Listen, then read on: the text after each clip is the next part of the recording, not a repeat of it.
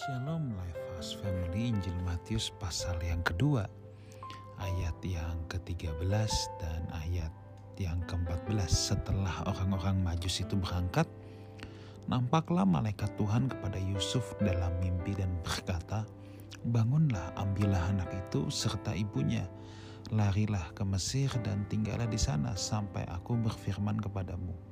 Karena Herodes akan mencari anak itu untuk membunuh dia maka Yusuf pun bangunlah.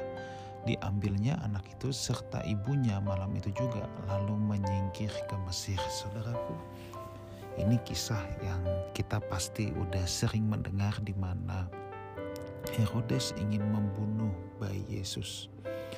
Lalu malaikat Tuhan menampakkan diri kepada Yusuf dan menyuruh Yusuf untuk lari ke Mesir ya Akhirnya Yusuf tinggal di Mesir sampai Herodes mati.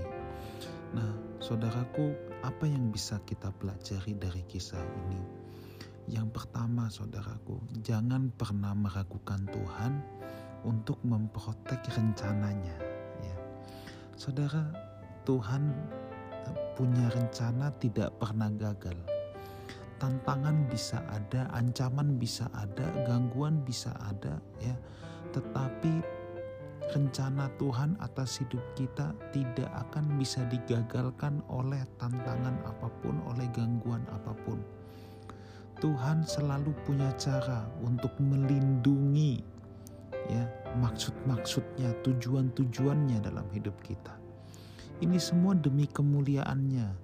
Ini semua demi tujuan-tujuannya, bukan demi diri kitanya, tetapi demi tujuan Tuhan dalam diri kita apa yang sedang Tuhan protek itu adalah maksud-maksudnya.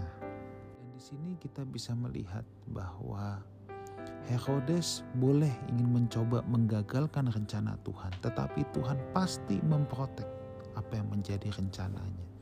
Itu sebabnya dalam hidup ini sangat penting untuk kita memahami rencana Tuhan.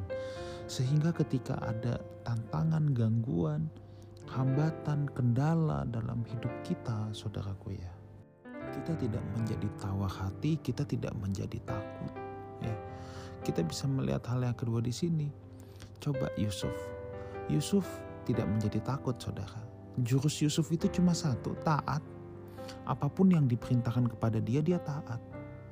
Yusuf tidak menjadi takut, tidak menjadi bersungut-sungut, tidak menjadi ah Tuhan kenapa sih mesti repot begini? Ah Tuhan katanya anak ini dari engkau, katanya anak ini yang akan dipakai untuk jadi Mesias. Tetapi kok seperti ini, masa Tuhan tidak bisa melindungi dia? Kenapa aku harus ke Mesir? Enggak, Yusuf punya satu jurus taat. Dia itu bisa menjadi rekan sekerjanya Tuhan. Dia bisa kooperatif dengan Tuhan. Nah, ada banyak orang tidak bisa kooperatif sama Tuhan. Maka rencana Allah bukan gagal dalam hidupnya, tetapi tertunda sampai orang tersebut bisa kooperatif dengan Tuhan. Nah sering kali kan kita begitu. Ingat ya, rencana Tuhan gak akan pernah gagal. Tertunda bisa, gagal tidak bisa. Gagal tidak akan. Ya, Kalau sampai kita tidak bisa kooperatif terus pun Tuhan bisa pakai yang lain. Nah rencana Tuhan finalnya tidak akan gagal. Tetapi Tuhan mencari orang-orang yang bisa jadi rekan sekerjanya. Bukankah dari semula Tuhan menjadikan manusia sebagai rekan sekerjanya? Nah, kalau kita menjadi rekan sekerja Tuhan, kita harus kooperatif dengan Tuhan. Nah, di sini Yusuf kooperatif dengan Tuhan. Yusuf bisa diajak jadi joint venture-nya Tuhan untuk menjadi pelaksana duta kerajaannya di bumi ini. Ya. Nah, itu sebabnya mari kita siapkan hati kita.